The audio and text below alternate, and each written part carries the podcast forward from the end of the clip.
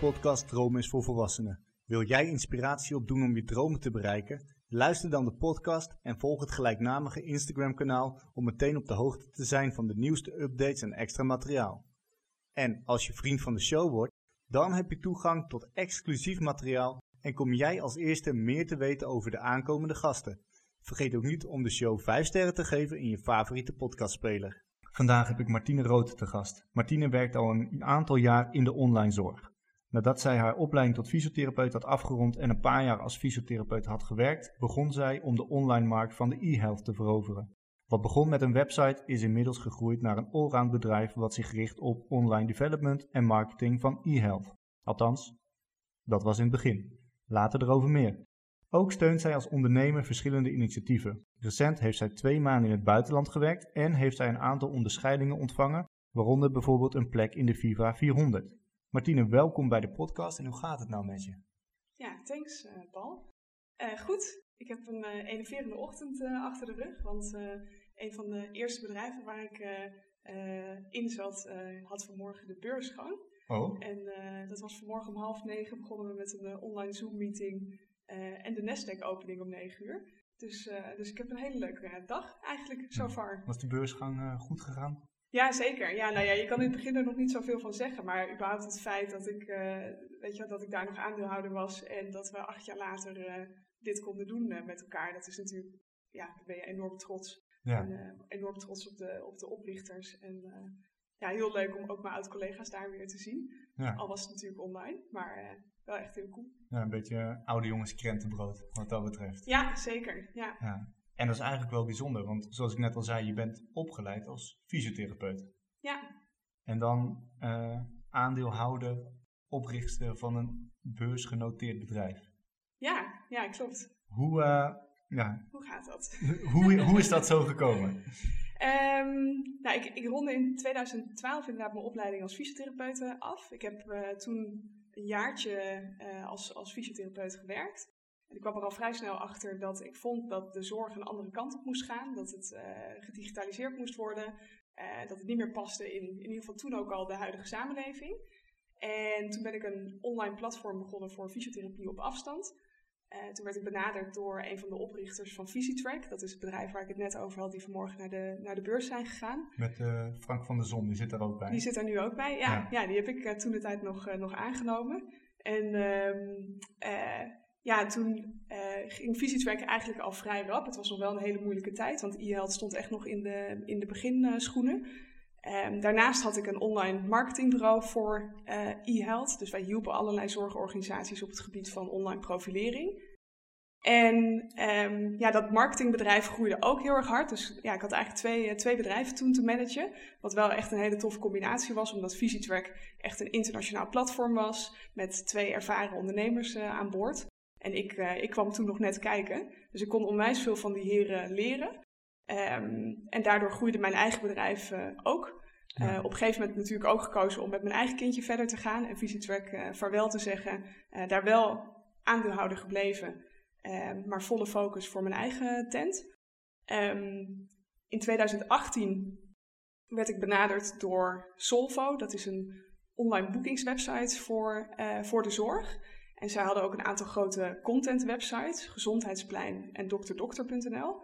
En met die sites hadden ze zo'n 6 miljoen bezoekers, dus dat was voor de Nederlandse markt heel erg flink. Um, en zij zeiden van ja Martien, wij, het oude management daar, uh, um, we hebben, weet je, we hebben die eerste, we hebben het bedrijf opgezet, we hebben de platformen gebouwd.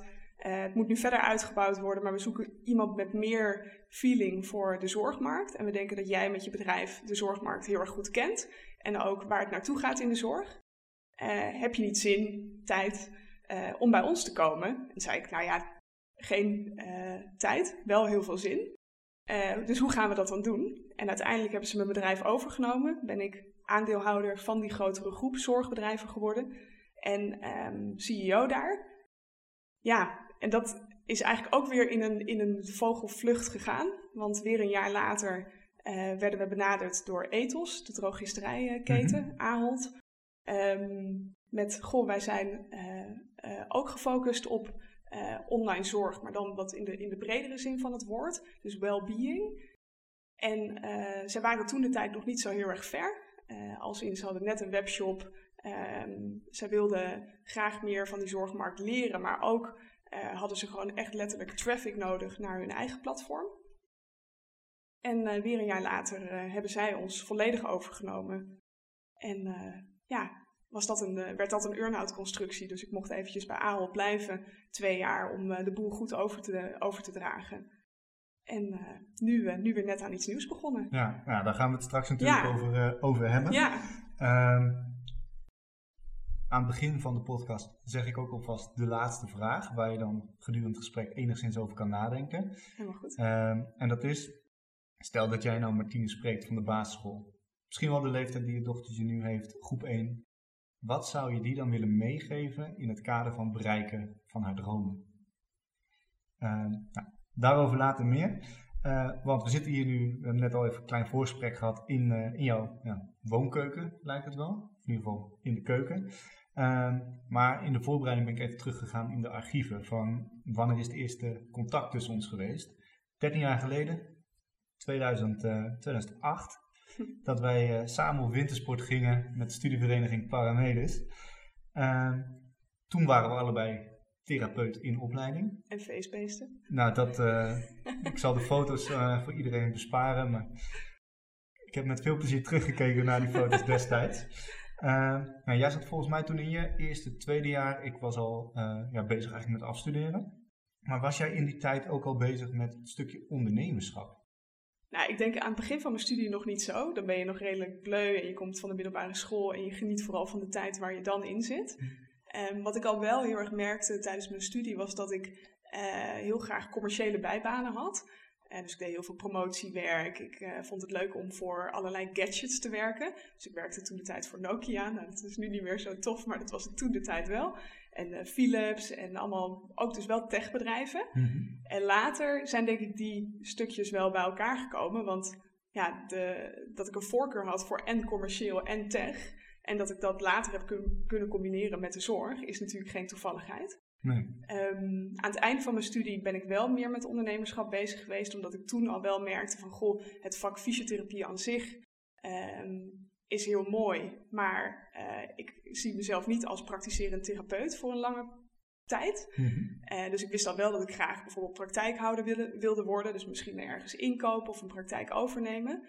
Ik had het ook al wel het idee om dat dan uit te breiden. Dus uh, dat ik er een keten van kon maken. Dat het iets schaalbaarder werd dan alleen een praktijk uh, op zich. Ja. Um, en voor de, voor de luisteraars, schaalbaar betekent eigenlijk dat je geen plafond hebt om te groeien. Klopt, ja.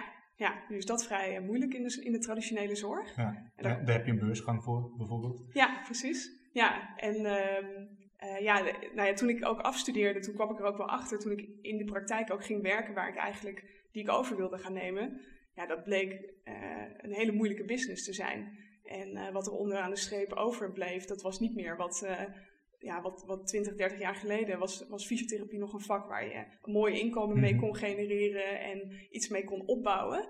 En toen ik erin kwam, voelde het als een uitgeknepen markt. Ja. En ik denk dat dat voor veel fysiotherapeuten nog steeds wel herkenbaar is. Ja, het is dan wel... hebben we het over tien jaar geleden, denk ik ongeveer. Ja, 2012. Ja, net. toen was uh, fysiotherapie net uit het basispakket. Dus uh, die markt liep vrij uh, leeg. Het was ineens, ja, werd het een, meer een marktmodel. Dus praktijken hadden moeite om genoeg patiënten richting hun praktijk aan te trekken. Um, en ik dacht, ja, ik ben eigenlijk ik ben, een, ik ben een slechte ondernemer als ik in deze markt stap. Want ja, deze wordt nu zo uitgeknepen. Ja. hoe kan ik daar meer mijn eigen gevoel en eigen draai aan gaan geven? En toen ben ik teruggegaan naar mijn eigen roots van wat vind ik nu echt heel erg leuk. Nou ja, toen kwam online, tech, kwam naar voren. En dacht ik, ja, dit, dit, ik moet eigenlijk mijn vak gaan combineren met, uh, met, met meer digitale tools. Ja. En waarom zitten die cliënten, patiënten elke dag in de wachtkamer op mij te wachten? Uh, terwijl eigenlijk wat ik moet weten is of zij therapietrouw zijn en of ze hun oefeningen doen en uh, of ze het advies opvolgen wat ik ze geef. Ja. En ik zie ze maar één of twee keer in de week, of misschien nog, nog minder. Ja. En ik heb eigenlijk geen flauw idee hoe therapie trouw ze nu zijn. En dat moeten we gaan meten. Ja, ja. ja want eigenlijk wat je zegt, hè, de, um, de belangrijkste, of het belangrijkste instrument wat je hebt in de behandeling is eigenlijk de patiënt zelf. Ja. Die is gewoon hoofdverantwoordelijk voor het bereiken van de noodzakelijke gezondheid, om het zo te zeggen. Absoluut. En wat ik ook hoor in jouw verhaal is dat je eigenlijk gedurende het proces, dat je een bepaalde passie had voor onder andere de tech en de gadgets en ja, de vernieuwing eigenlijk. Want ja, 2008, 2010, uh, misschien moeilijk om voor te stellen, maar het internet of smartphones had je eigenlijk nog niet zoals het nu dominant is in, uh, ons leven. Maar toch had je al wel een, dan gedurende die tijd een bepaalde visie ontwikkeld dat daar kansen zouden zijn. Ook al wist je nog niet helemaal wat die kansen konden zijn. Klopt. Ja, en ik denk dat ik ook wel echt uh, van nature een early adapter ben. Dus iemand die iets snel om, omarmt en dingen gaat uitproberen. Mm Want ik was bijvoorbeeld, ik weet nog dat toen de tijd was nog helemaal niet gebruikelijk om bijvoorbeeld die kleding online te bestellen. En ik was een van de eerste van mijn vriendinnen die dat deed. Um, Je kon toen ook al wel dingen, films kijken via internet, maar dat moest je allemaal illegaal downloaden met programma's. Ja. die programma's had ik wel op mijn studentencomputertje staan. Dus ik was wat dat betreft ook wel een beetje uh, een nerd. Mm dat ik het leuk vond om dat soort dingen uit te proberen. En dat heb ik dus later ook echt wel nog kunnen leren ook. Want um, toen ik uh, nog wel werkzaam was als fysiotherapeut, toen had ik natuurlijk geen technische achtergrond. Dus toen ben ik bij een, uh, een, marketingbureau even een soort van stage gaan werken, gewoon in mijn vrije tijd. Um, ja, stage gaan lopen. En daar heb ik geleerd programmeren en hoe bouw je een website op. En wat is eigenlijk uh, eh, CEO, CEA, alle marketingtermen en hoe breng je dat ook tot uiting. Ja. En daar bleek ik ook best wel goed in te zijn. Dus, uh, ja. ja. dus daar zat kennelijk niet alleen een passie, maar ook een talent. Ja, ja. En kijk, wat ik mooi vind in je hele verhaal, om het even heel kort samen te vatten of te bundelen, wat mij in ieder geval opvalt, uh, is dat jij ergens een bepaald gevoel hebt waar je uh, naartoe moet. Een soort onrustig gevoel, omdat je denkt van nou, ik ga eens kijken of dat bijvoorbeeld een praktijkovername iets voor mij is, omdat ik denk van ja, echt het werken in de praktijk 40 uur met patiëntenzorg bezig zijn, dat is niet waar mijn hart ligt.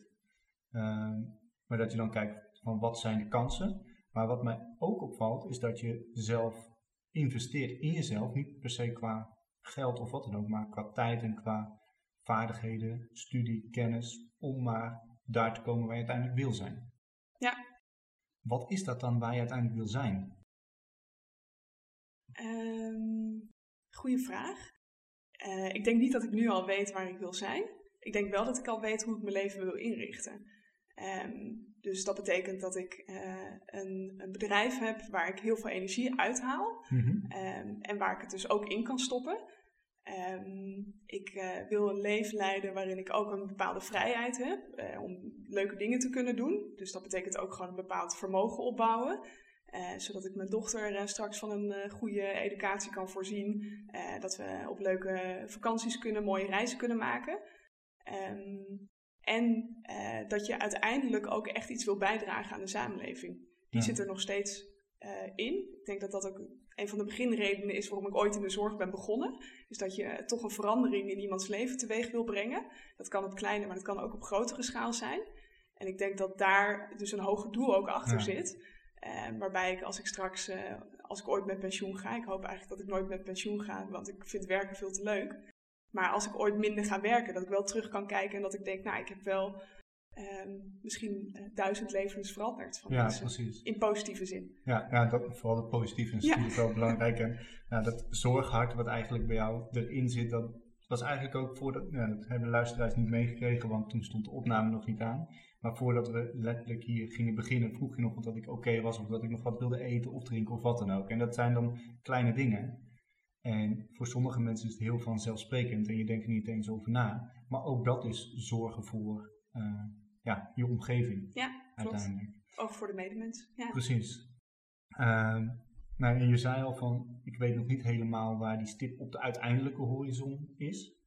Uh, maar ik hoor wel van jou dat je eigenlijk je basis op orde wil hebben. Dat je de dingen kan doen waar jouw hart ligt en waar jouw passie eigenlijk nou, vandaan komt. Ja.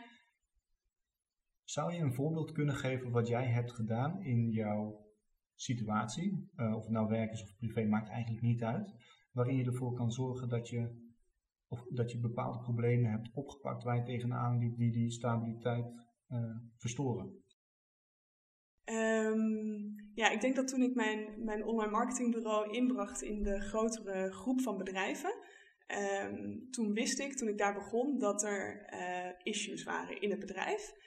En natuurlijk hadden we wederzijds een due diligence gedaan, dus een boekenonderzoek en in elkaars papieren gekeken hoe de bedrijven ervoor stonden. Zoals dat gewoon normaal is eigenlijk? Ja, zoals dat normaal is. En mijn bedrijf toen was, was een winstgevend bedrijf, een, een leuk groeibedrijf, gewoon een MKB-bedrijf, niet heel schaalbaar, gewoon een, een, mooi stabiel bedrijf. Mhm.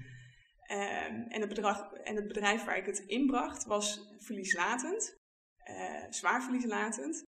Ehm, ik wist dat de runway, dus de, de maanden die ze nog hadden met uh, de cash die op de bank stond, niet heel lang meer was. Um, dus ik moest het gaan keren of niet. Ja. en daar was, daar was een enorm risico. En ik heb toen dat risico dus genomen door mijn eigen winstgevende bedrijf in te brengen in die groep. En dat was denk ik een keuze die veel mensen van buitenaf niet begrepen. Alleen, ja, we zagen gewoon zo de potentie van die platformen die erin zaten. En ik dacht, als dit mij gaat lukken, mhm. met uh, een goed team omheen, wat ik kan vertrouwen, mijn eigen mensen moeten ook mee kunnen. Dus dat was een vereiste, dat mijn, uh, mijn eigen team mee kon naar het nieuwe bedrijf. Um, en daarnaast dat ik iemand ook naast me kon uh, aan, aanstellen die, waarmee ik deze klus samen kon gaan klaren, mhm. ja, dan, dan gaat, het, gaat het lukken. Die, die, die zekerheid die voelde ik. En daar hebben we alles aan gedaan. En het was wel echt een enorme turbulente periode, want we hebben gereorganiseerd, we hebben allerlei moeilijke keuzes uh, moeten maken. Um, maar na een half jaar zagen we ineens dat we van heel rood naar oranje en naar groen aan het bewegen waren. En dat het ons lukte om een bedrijf wat al in jaren was opgebouwd, toch te transformeren naar iets wat ineens gezonder werd. Ja. En daarmee was de verrassing ook dat het verkoop klaar werd. Want ja, een paar maanden later klopte, klopte Ethos aan met hey, uh, we willen jullie hebben. We willen jullie hebben. En dat was een jaar eerder uh, nooit op zo'n succesvolle exit uitgekomen. Dus ik denk dat hierin een stukje positiviteit weer, maar ook vertrouwen in de mensen om je heen en vooral vertrouwen in ook je eigen kunnen, mhm. dat dat gewoon super belangrijk was. En is dat dan ook de reden dat je het risico kon nemen? Want het, nou ja, een risico kan gunstig uitpakken, zoals jouw voorbeeld. Maar wat was er gebeurd als het ongunstig was uitgepakt? Ja, dan, uh, dan waren we failliet gegaan. en dan had ik daar enorm van gebaald natuurlijk. Maar dan had ik in ieder geval nooit het idee gehad, ik heb het niet uh, geprobeerd. Mm want ik denk dat dat erger is als je dingen op als je ja, veel dingen hebt waar je op kan terugkijken, waarvan je denkt, als ik toen een andere keuze had gemaakt, had mijn leven er misschien wel heel anders uitgezien. En dat gevoel probeer ik altijd te vermijden. Um, uh, en ik denk dat wat daar natuurlijk ook gewoon heel erg belangrijk is, is dat je gesupport wordt in je directe omgeving. Dus in mijn geval was het mijn partner die zei, en die ook het ondernemerschap in zich heeft, die zei van, ja, weet je, ik, we, ja, we zien gewoon dat, het, dat dit heel erg mis kan gaan. Maar we zien ook heel erg de potentie. En daarin hebben we ook samen, denk ik, gewoon heel sterk gestaan. Ehm, ook om, ja, om mij door die periode heen te loodsen, want het was af en toe echt loodzwaar. En uh, kwam ik echt met tranen thuis. Mhm. En dan is het heel fijn als je iemand ook thuis hebt die gewoon zegt: Weet je nog, de bigger picture is dit. En je gaat het doen. Dus ook het, het vertrouwen en de vrijheid die je ook krijgt in je ondernemerschap, die is natuurlijk super belangrijk.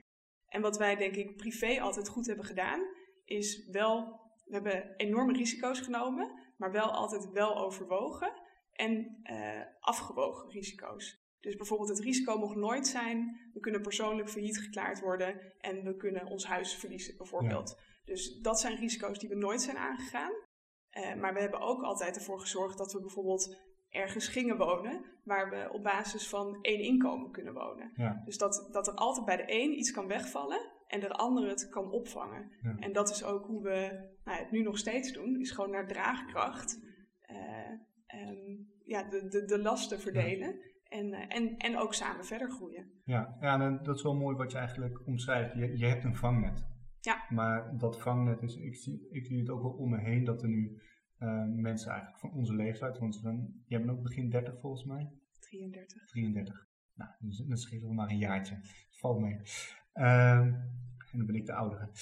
Dus dat, uh, maar goed, wat ik wil zeggen is, heel veel van onze leeftijdsgroep, die zijn eigenlijk, en dan zeggen we 25 tot 35, die zitten nu in een stap dat ze eigenlijk klaar zijn met studeren en een vervolgstap willen maken in het leven. Maar de huizenmarkt en dergelijke, dat is, die is zo overspannen. Wat het er net over. We hebben eigenlijk allebei geluk gehad in het aanschaffen van ons huis. Ja. maar allebei wel dezelfde route doorlopen. Dat we kijken van oké, wat kunnen we doen qua hypotheek bijvoorbeeld? En dan gaan we, stel dat we even een makkelijk bedrag, we kunnen 2 miljoen lenen aan hypotheek. Nou, dat is natuurlijk eventjes voor de bigger picture voor ons allebei niet realiseerbaar op dit moment. Nou. Oké, voor mij persoonlijk niet realiseerbaar. Misschien toch ander werk zoeken. Nee, ik zit eh, prima qua werk. Ehm, maar dan ga je niet een hypotheek nemen van 2 miljoen.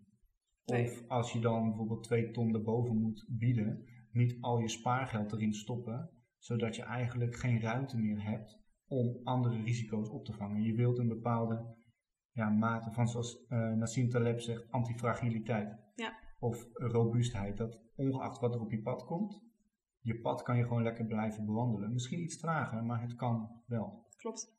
Is dat dan ook wat jij in het kader van alle dingen die je wil doen altijd meeneemt? Nou ja, ehm, zoals ik nu bijvoorbeeld met, uh, met de bedrijven omga, of ook de bedrijven waarin ik investeer, uh, is ik ben uh, ik heb inmiddels wel ook bijvoorbeeld een bepaalde basis van uh, financiële kennis. Dus ik kan heel goed naar een, een P&L kijken, waarin weet je wel, de winst-verliesrekening, dat soort dingen van een bedrijf staat. profits and loss? Ja, precies. En um, ja, persoonlijk heb ik ook zo'n Excel, waarin we gewoon zien, weet je wel, dit komt er binnen, dit gaat er ongeveer uit. En, en dat gaat niet in detail. Maar uh, dat geeft wel een heel fijn beeld van, weet je wel, waar, waar gaan we naartoe? Waar groeien we naartoe? Kunnen we misschien een volgende investering die we willen doen, kunnen we dat nu doen? Um, of sturen we nog een jaartje vooruit? Um, dus ik denk dat, dat ik daarin ook wel heel erg in control ben. Met uh, zowel hoe het zakelijk gaat als ook hoe het uh, privé gaat. en het is inderdaad, weet je, we maken daarin geen overhaaste of te grote beslissingen, denk ik. Um, die we, waar we later spijt van krijgen. Want dit is ook, weet je, waar we nu wonen, is een super fijn huis. Um, maar dat heb, hebben we wel al gekocht voordat ik uh, de exit maakte. Ja. En we hadden daarna ervoor kunnen, kopen, uh, kunnen kiezen om weer iets nieuws te kopen. Ja, dat, dat doen we niet, want we willen weer verder ondernemen. Ja. En dat betekent dat we daar dan ook de financiële ruimte in willen hebben. Ja, en die, uh, die keuze, tenminste wat ik ook wel om me heen hoor, is die fear of missing out. Dat je dus dan op het moment dat je dus een huis gekocht hebt, je eerste huis, dat je verplicht verder moet kijken. En dat je dus ook moet nadenken over een tweede of derde huis. Terwijl wat jij ook zegt, en ik herken mezelf er ook wel in, je moet kijken naar wat heb je nu ja. en wat wil je. Ja. Wil jij per se dat tweede, derde huis hebben hè, om continu eigenlijk daarvoor te moeten blijven werken? Of blijf je waar je zit en werk je voor die nieuwe dingen? Want uiteindelijk je, nou ja, je maandlasten als persoon of als gezin, die zijn altijd wel redelijk stabiel. Je hebt je hypotheek, je gas, water, licht, je internet, je televisieaansluiting en je boodschappen en je verzekeringen. Ja, in mijn geval ook nog een kind, wat echt uh, ja. vrij kostbaar is, weet ik ook nu. ja, ja die, die, dat is niet voor iedereen natuurlijk, maar inderdaad. Maar ook dat, het is niet zo dat het kind in één keer 3000 euro meer in de maand kost. Nee. Dus ook dat, weet, je weet wat je hebt en wat je dus ook nodig hebt om dingen te kunnen doen. En als je dan uh, kijk van oké, wat is mijn inkomen is 1000 euro. Nou, als ik 600 euro bewijzen van voor al die vaste lasten heb, dan heb je 40% over voor alle andere dingen. Ja. En die kan je dan onderverdelen in de potjes of in de dromen die je wil bereiken. Ja. En of het dan ondernemerschap is of een mooie reis of wat dan ook. Ja. Dat maakt eigenlijk niet uit. Klopt. En je noemde net ook nog, ik ben in control. Is dat belangrijk? Ja, dat vind ik super belangrijk. Waarom? Ja, omdat uh, op bepaalde dingen kan je invloed uitoefenen. Zoals bijvoorbeeld, weet je wel, dat je weet wat komt erin, wat gaat, er, wat gaat eruit. Zowel in, nou ja, bij mij in mijn bedrijven als, uh, als privé. Um, en dat, dat zijn zaken waar je zelf, ja, wat ik zeg, invloed op kan uitoefenen. Dus je kan daarin zelf, weet je, dan zijn er allerlei manieren hoe je dat kan, uh, kan sturen. Mm -hmm. um, en aan de andere kant, weet je wel, is soms natuurlijk loslaten ook super belangrijk. Uh, zeker als je bijvoorbeeld je bedrijf verkoopt, dan is dat een van de belangrijkste dingen die je moet doen, is het loslaten. Maar daarna ook weer door om te kijken wat wordt, wat wordt de volgende stap. Dus ik heb bijvoorbeeld vorig jaar, uh, toen ik in mijn earn-out periode bij, uh, bij Ethos zat, toen had ik iets meer tijd, in ieder geval in mijn hoofd, om te bedenken, oké, wat wordt mijn volgende ondernemersstap? En dat is een hele luxe positie, want je hebt en tijd om erover na te denken en je hebt ook ineens de vrijheid. Je weet dat die weer gaat komen. Ehm, dus toen ben ik ook bijvoorbeeld een traject begonnen over persoonlijke visie. van wat is eigenlijk mijn eigen businessplan? Want ik kan ze inmiddels goed schrijven en goed lezen.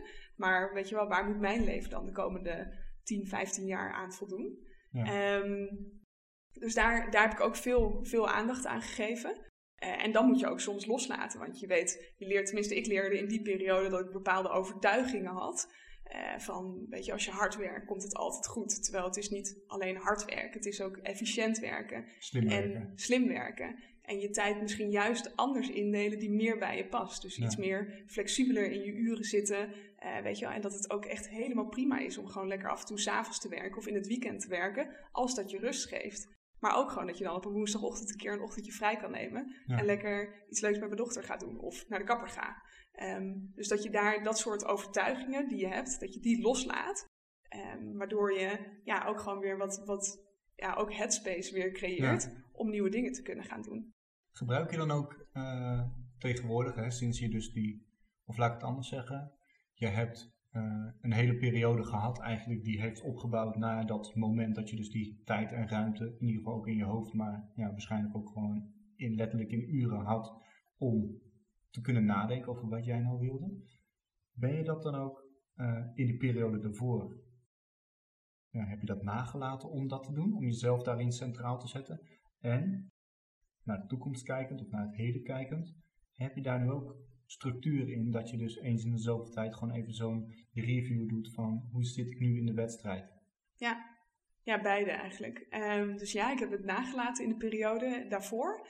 Uh, zeker in de tijd van de, de verkoop uh, dat was gewoon een enorme, uh, heftige, leuke, spannende periode. Mm -hmm. het bedrijf toen, aan het begin, toen ik daar instapte, natuurlijk was al heel turbulent het eerste jaar, want toen moesten we het winstgevend uh, maken. Dat was wat ik met de andere aandeelhouders ook had afgesproken. En daarna gingen we het verkopen. En uiteindelijk heeft de verkoop langer geduurd dan we dachten. De aim was om dat in zes tot acht weken te doen. Uiteindelijk werd het zes maanden. Um, ja, en dat was voor een relatief klein bedrijf enorme impact. Want dan heb je een heel team van M&A, dus merger and acquisitions, die op je afkomt. En allemaal advocaten. En dat was, nou ja, je wordt helemaal binnenstebuiten gekeerd. En met een team van 20 man, ja, was er toen nog weinig ruimte voor de business. Dus op een gegeven moment weet je ook van, oh, deze overname moet gaan lukken. Want ja, we, we geven daar nu zoveel tijd en energie aan.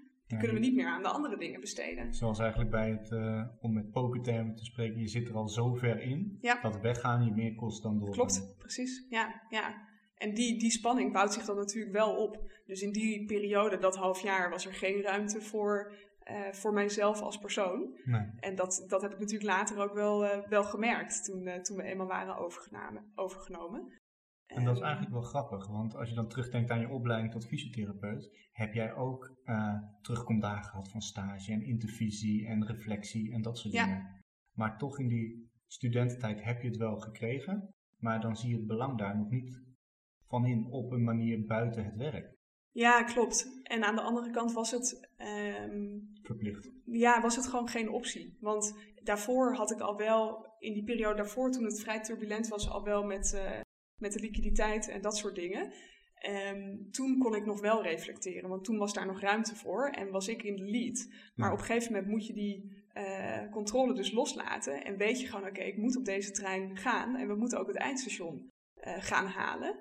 Uh, en dan geef je gewoon alles. Dus ja, dat die, toen die balans weg was, daar was gewoon geen keuze in.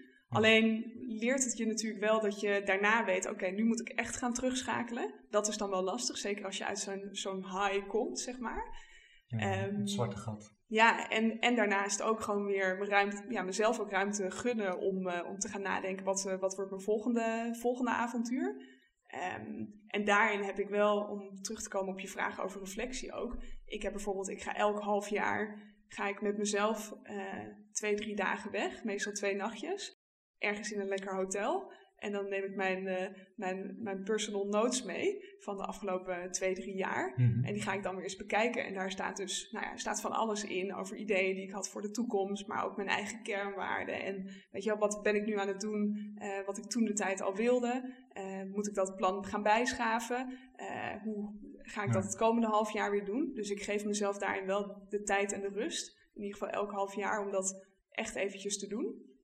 Um, En daarnaast heb ik ook wel echt een toffe groep van ondernemers om me heen verzameld ook. Met wie ik ook over dit soort dingen kan sparren. Dus ik doe ook echt een soort leiderschapstraject met een aantal ander, andere ondernemers. Waarin we dit ook gezamenlijk doen. Ja. En daarbij is ook een stukje, dat is niet alleen over uh, je leiderschapskills. Maar ook echt een stukje diepgang en uh, ja... Um, je blijft jezelf eigenlijk gewoon ontwikkelen op heel veel gebieden. En, absoluut. Nou ja, wat je eigenlijk zegt, en de, de podcast heet natuurlijk Dromen is voor volwassenen. Ja. Dus je merkt dat je ook als volwassene, dat je ook af en toe die momenten van rust moet pakken om te kijken, zit ik nog op de goede route en doe ik nog datgene wat ik wil doen om bijvoorbeeld mijn kernwaarden. Uiteindelijk je kernwaarden zijn de basis van de dromen die je wil bereiken. Ja, zeker. Als jij financiële onafhankelijkheid totaal niet belangrijk vindt, dan vind je werken ook niet zo belangrijk. Klopt. En ja, ik vind het altijd wel mooi om sowieso de discussie te volgen van mensen van hoe ga je met geld om en wat vertel je wel, wat vertel je niet. Ja. Uh, afgelopen vrijdag had ik met een aantal therapeuten intercollegiaal overleg. En wij hadden op voorhand heel veel moeite met de beroepsvereniging om het onderwerp pensioenopbouw op de agenda te krijgen. Terwijl letterlijk in het competentieprofiel staat dat je bedrijfsvoering, dus ook het financiële stuk, tot je, competentie, tot je competenties behoren. En als wij dan een overleg willen hebben over hoe ga je dus als zelfstandige je pensioen opbouwen, ja. dan mag dat niet. En dat is eigenlijk heel gek. Want we werken allemaal omdat we, als het goed is, werken waar ons hart ligt, wat we leuk vinden. Ja. En de meeste therapeuten die hebben een zorghart, dus financiën is totaal niet hoog op de agenda. Nee. Maar uiteindelijk moet het wel. En dat is heel gek als je wordt tegengewerkt door zo'n ja, overkoepelend orgaan die zegt, ja nee, maar pensioenopbouw, dat vinden wij niet belangrijk genoeg om te bespreken. Terwijl je gewoon bij elke therapeut merkt, dit is gewoon iets wat belangrijk is. Ik ken fysiotherapeuten die vergeten om pensioen af te dragen in de beginperiode, ja. waardoor ze dus gewoon boetes moeten betalen. Ja. Terwijl je wordt er ten eerste niet in opgeleid op de opleiding, want het gaat natuurlijk om vakbekwaamheid.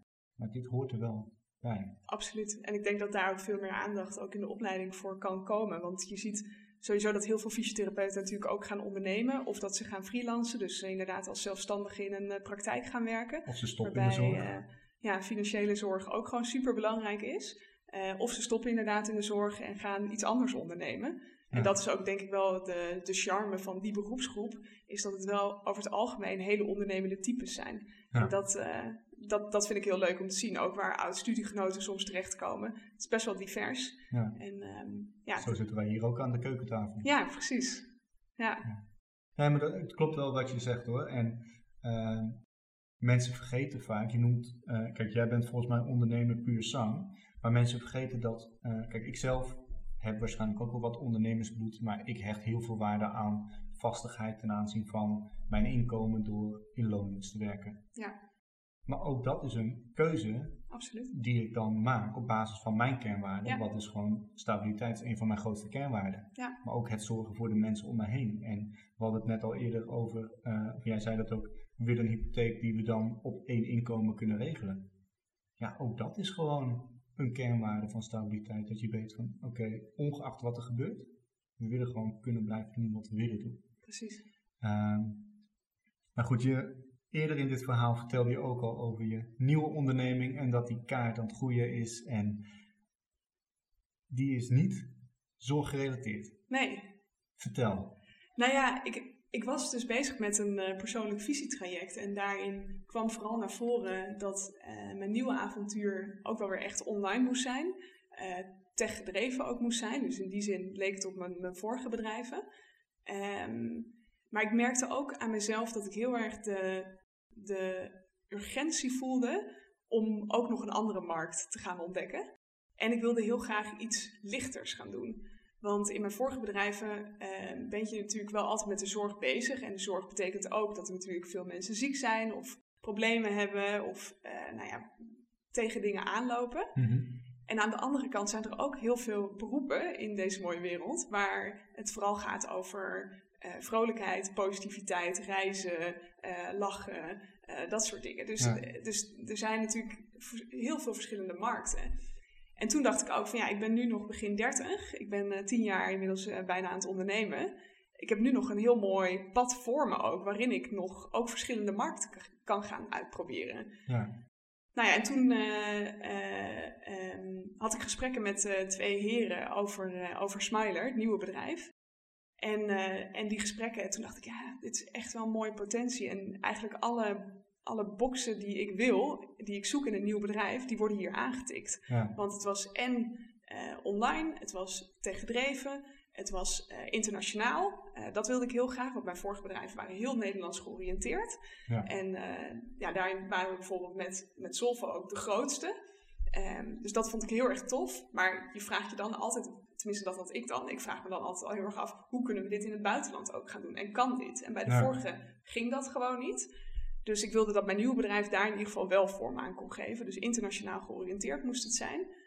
Ehm, en, um, ja, en liefst wat vrolijker, wat luchtiger. Ja, ja uh, want ik kan mijn hele leven nog hele serieuze dingen doen. En dit is mega serieus, want het is echt een, een waanzinnig bedrijf. Maar het gaat wel over mensen aan het lachen maken en ze mooi op de foto zetten. Want het is dus inderdaad een heel ander type bedrijf. Het, is, uh, het bedrijf heet Smiler en het is een fotografieplatform.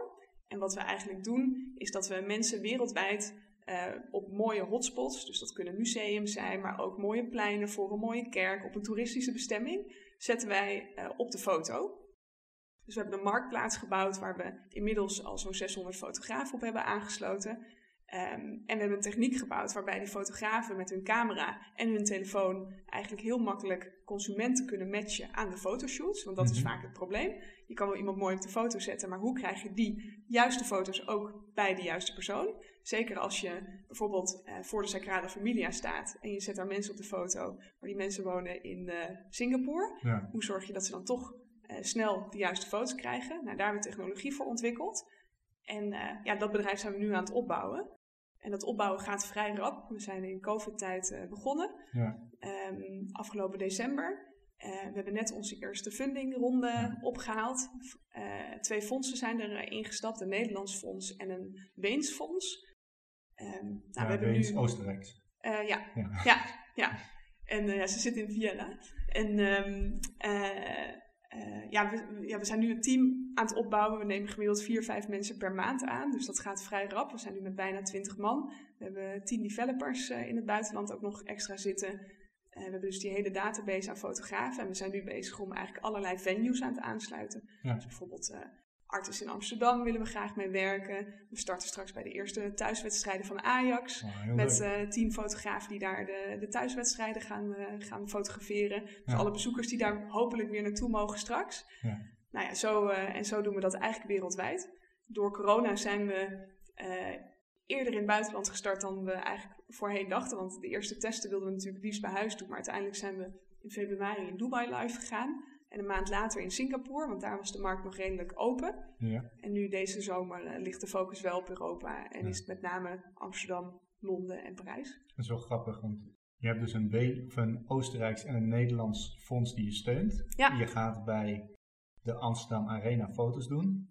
En we hebben dit gesprek een dag na Nederland-Oostenrijk in de ja, arena. Klopt. Dus alles komt op die manier. En daar waren we ook gisteravond. Ik was daar zelf ook uh, met een team fotografen om, uh, om foto's te maken.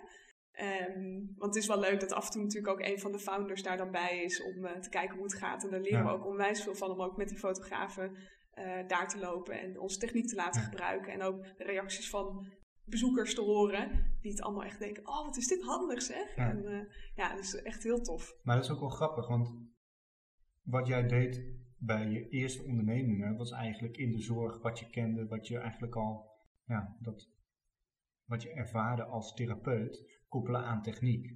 En wat je nu doet, is je hebt techniek, maar als founder ga je dan wel het veld in om te kijken van hoe werkt dit, waar kunnen we verbeteren. Dus je weet ook letterlijk waar je het dan over hebt, omdat je ja, maar dat vind ik ook een heerlijke fase om gewoon met je, met je, met je poten in de klei te staan. Dat is eigenlijk het leukste, want je leert het. Ja, ik geloof heilig in learning by doing. Mhm. En ook in deze geldt weer dat je, je leert het ook echt als je het zelf gaat doen.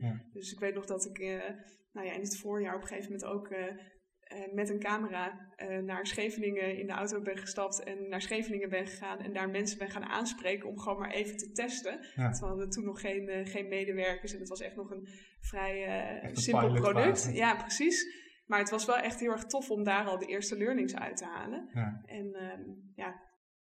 Maar dat is wel mooi, want eigenlijk gewoon heel simpel gezegd, je doet onderaan de streep helemaal niks anders dan bij je eerste bedrijven. Alleen je omgeving is veranderd. Ja. En toen je vertelde zeg maar over Smyler, toen nou, verscheen er ook een lach op je gezicht en je, je energie veranderde. Je was vol enthousiasme erover aan het vertellen. Ik denk, ja, dit, hier word je al enthousiast van door met jou te praten. Ja. Dus ik hoop dat het in het geluid ook al op die manier kan overkomen. Ja, hoop ik ook.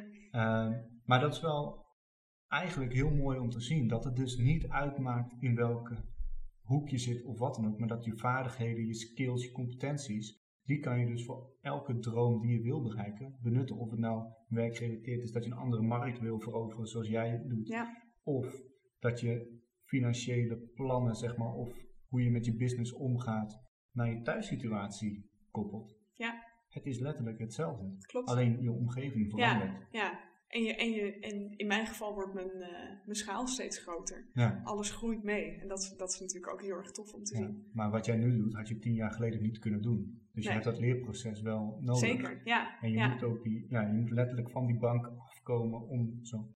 Je moet letterlijk van die bank afkomen om de dingen te doen. Ja. En dat is het ook, hè? Jouw voorbeeld dat jij naar Scheveningen bent gegaan.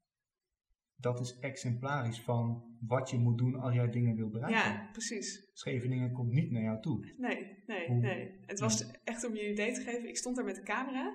En ik had nog nooit een professionele camera vastgehouden. Dus ik ging ook voor het eerst echt letterlijk foto's maken. En het was twee graden. Iedereen liep te bibberen. En ik nam dus foto's van iedereen en vertelde ze over de nieuwe app die we aan het maken Ja. waren. En, eh, en uiteindelijk heeft nog één op de vier van de mensen die ik op de foto heb gezet, heeft die foto's gekocht. Waarschijnlijk ook gewoon door de persoonlijke interactie die ik met ze had. En Ja. mijn enthousiasme waarschijnlijk wat aanstekelijk werkte. Maar dat is ook een bevestiging dat datgene waar je mee bezig bent. Dat je goed bezig bent. Ja, het is ja. een succeservaring. Ja, precies. Ja, ja. ja, en inderdaad wat je zegt, ik had het tien jaar geleden nooit, nooit verwacht. En natuurlijk ging het eh, step by step. Eh, de stappen waren soms wel wat groot, denk ik. Mhm. Ehm, maar uiteindelijk begon het bij gewoon een ondernemersdroom. En een heel klein beetje spaargeld. Want ik weet nog Ja. wel dat toen ik als fysiotherapeut werkte en ik nam ontslag in de praktijk waar ik eh, toen was. Ik had volgens mij 3000 euro gespaard. Ja. En ik dacht, oké, nou hier kan ik, eh, toen de tijd kon ik daar nog zes maanden mee vooruit. Ehm, weet je, kon ik mijn, mijn kamer nog mee betalen. Ja. En dan moet ik over zes maanden moet het gewoon gelukt zijn. En als het niet gelukt is, kan ik altijd weer, eh, kan ik altijd weer ergens aan het werk. Precies. En dan Ja. heb je dus ook weer je vangnet. Ja. Dus een aantal dingen die belangrijk zijn is één, het gewoon doen. Twee, je vangnet. Maar ook gewoon weten ehm, dat als je kansen pakt, neem je risico. Ja. Maar weet welke risico's je daadwerkelijk neemt. Precies. Want in het ergste geval werk jij nu nog steeds als fysiotherapeut.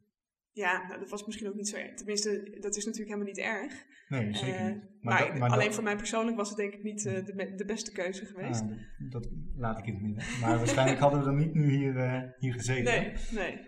Sowieso was het een uitdaging om jou te spreken te krijgen, want de laatste periode zat je niet in Nederland. Nee, Nee. Hoe, hoe, ja, waarschijnlijk ook vanwege het online verhaal, maar hoe ben je überhaupt tot het besluit gekomen om dan een aantal maanden naar het buitenland te gaan? Ja, dat was, het was wel een beetje een verrassing, want het was natuurlijk in COVID-tijd. Dus het was ook eigenlijk niet, eh, het werd natuurlijk sterk afgeraden om überhaupt naar het buitenland te gaan. Ehm, maar ook wij waren al een, jaar vanuit huis eh, aan het werk. En ik merkte dat ik eh, niet gelukkig werd van de situatie. En ik denk dat iedereen zich daarin in herkent. Ehm, alleen eh, wat ik dan in zo'n situatie doe, is bedenken hoe haal ik mezelf uit deze situatie en verbeter ik hem. Dus dat heb ik gedaan. En toen dacht ik, ja, waarom gaan we eigenlijk niet, eh, nu we toch volledig online werken, ehm, waarom doen we dat niet vanaf een wat meer zonnige bestemming, Ja. eh, waar misschien ook wat minder COVID is. Eh, dus toen hebben we besloten om onze spullen te pakken, ons huis even op Airbnb te zetten. En zijn we naar Zuid-Spanje, naar de Canarische eilanden gevlogen. En hebben we vanuit daar echt heerlijk tien weken of zo gewerkt. Ja. En het was ook wel eh, een beetje een opwarmertje voor het najaar. Want we willen dan ook wel weer wat langer weg. Dus we wilden ook gewoon eventjes ervaren hoe is het om weer ergens anders te zijn. Wat hebben we aan kaders weer nodig? Over het in control zijn gesproken. Wat hebben we aan kaders nodig om onszelf een comfortabel leven in het buitenland eh, te geven? Ehm, want we hebben natuurlijk ook een dochter en daar moet ook goed voor gezorgd worden. En eh, die wil ook onderwijs en die wil vriendjes en dat soort dingen. Dus hoe gaan we daar dan ook vorm aan geven? Dus, dus het was ook een proefreis om gewoon even te kijken hoe dat, hoe dat gaat.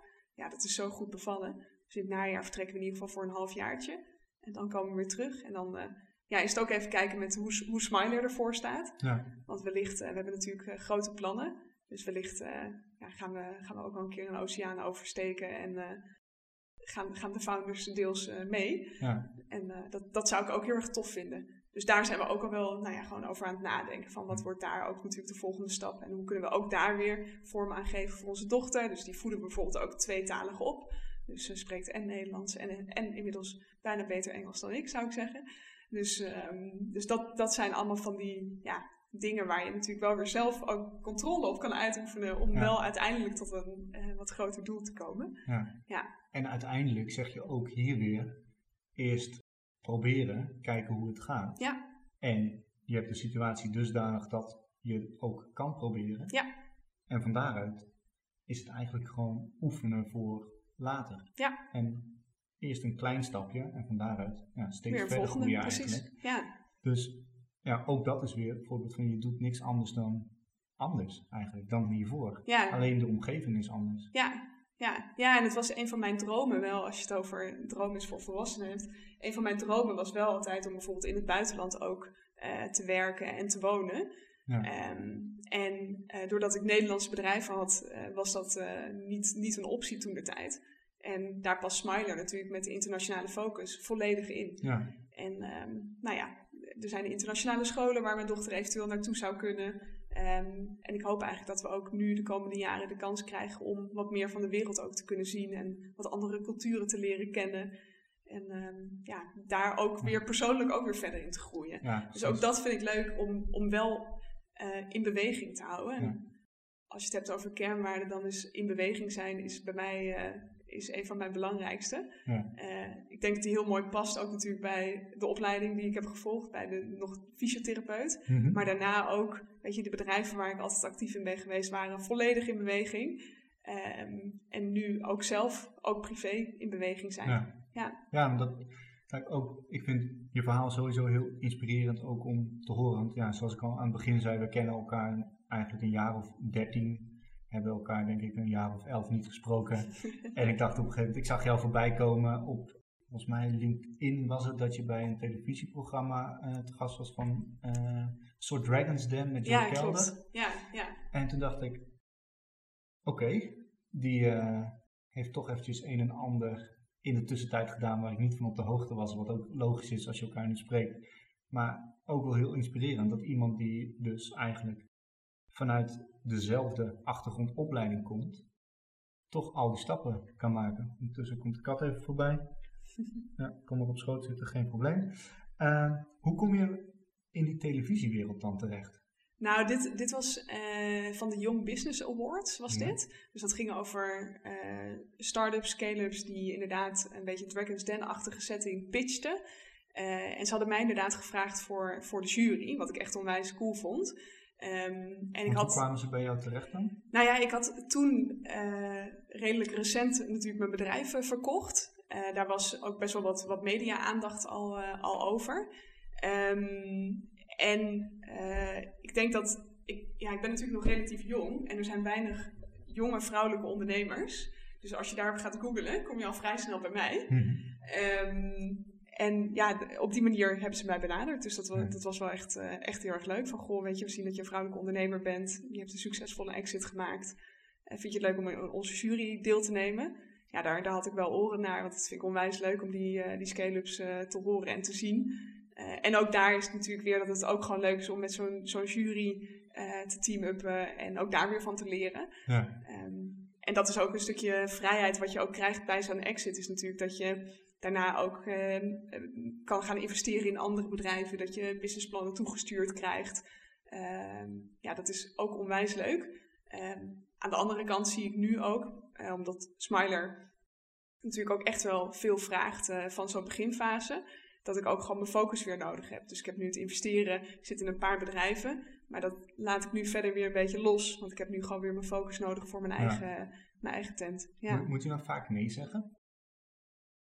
Nou, um, ja, maar meer vanuit focus zeg ik dan nee. Dus niet vanuit, weet je wel, dit is, uh, ik, vind, ik vind je businessplan niet goed of wel goed. Want ik probeer wel altijd inhoudelijk te reageren als ik iets voorbij zie komen. Mm maar meer vanuit mijn focus zeg ik dan van ja, weet je, ik kan, ik kan nu niet de bijdrage gaan leveren die, die ik zou willen.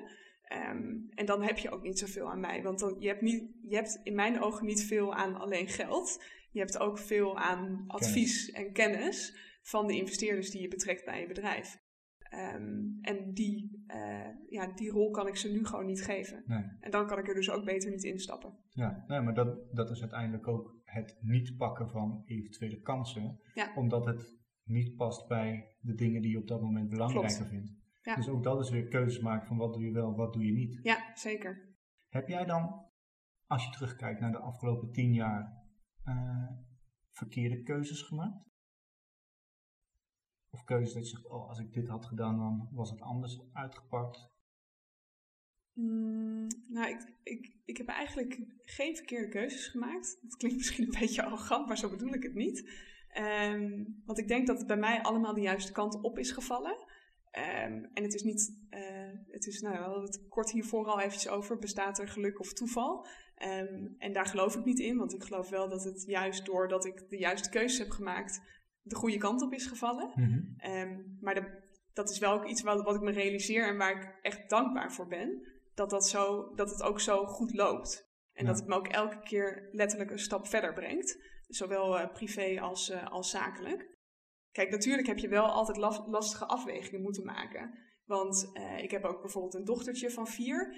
En ik heb haar de eerste twee, tweeënhalf jaar weinig gezien. Ja. Um, en daar weet ze zelf gelukkig niet heel veel van, want ze was nog een babytje. Um, maar ik heb dat natuurlijk wel gevoeld en gemist. Ja. En daarom ben ik ook heel blij dat we nu volledig remote werken. Dus dat we ook uh, ja, remote blijven werken. Dus we zijn ook, Smiler is een work anywhere company. Mm um, en dat betekent voor mij dus dat ik meer tijd met mijn dochter door kan brengen. Omdat ik haar letterlijk gewoon veel meer zie. Want ik heb geen reistijd meer. Ik kan op tijd aanschuiven bij het eten. Um, weet je, dus ik, ik zie haar gewoon weer meer. Dus daar maak je dan ook wel weer bewuste keuzes nu. Uh, ook nu ik zie dat ze ouder wordt. En ik dat ook steeds belangrijker begin te vinden.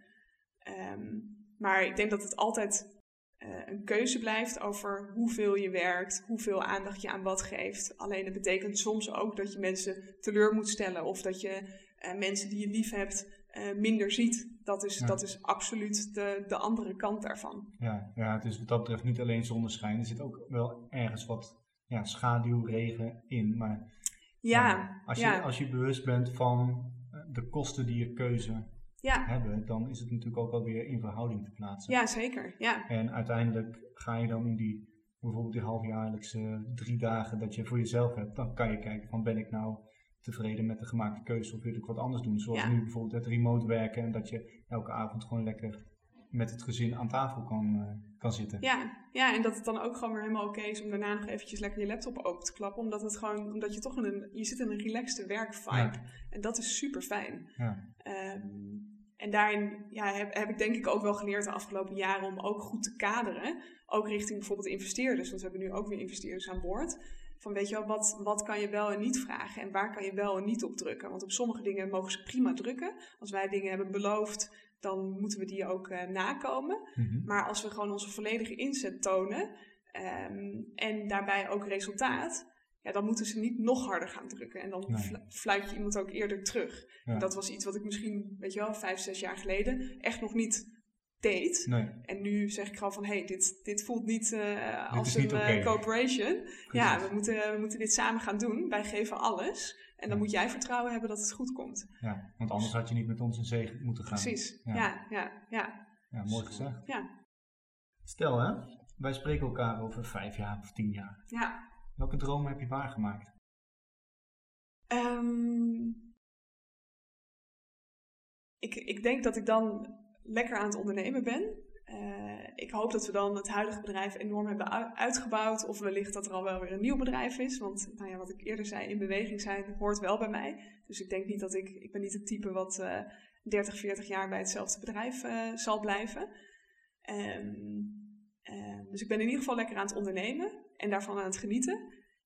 En daarnaast hoop ik dat ik lekker ergens in het buitenland zit. Ja, in een, weer een nieuw land wat ik wil ontdekken. En dan misschien een jaar later weer ergens naartoe hop. Of ik heb mijn perfecte plekje wel gewoon hier gevonden. Dat kan ook. Ja. ja. Want wil je dan volledig in het buitenland werken of wil je toch die basis in Nederland aanhouden? Weet ik nog niet. Weet ik echt nog niet. Voor nu voelt het goed om een basis in Nederland te hebben.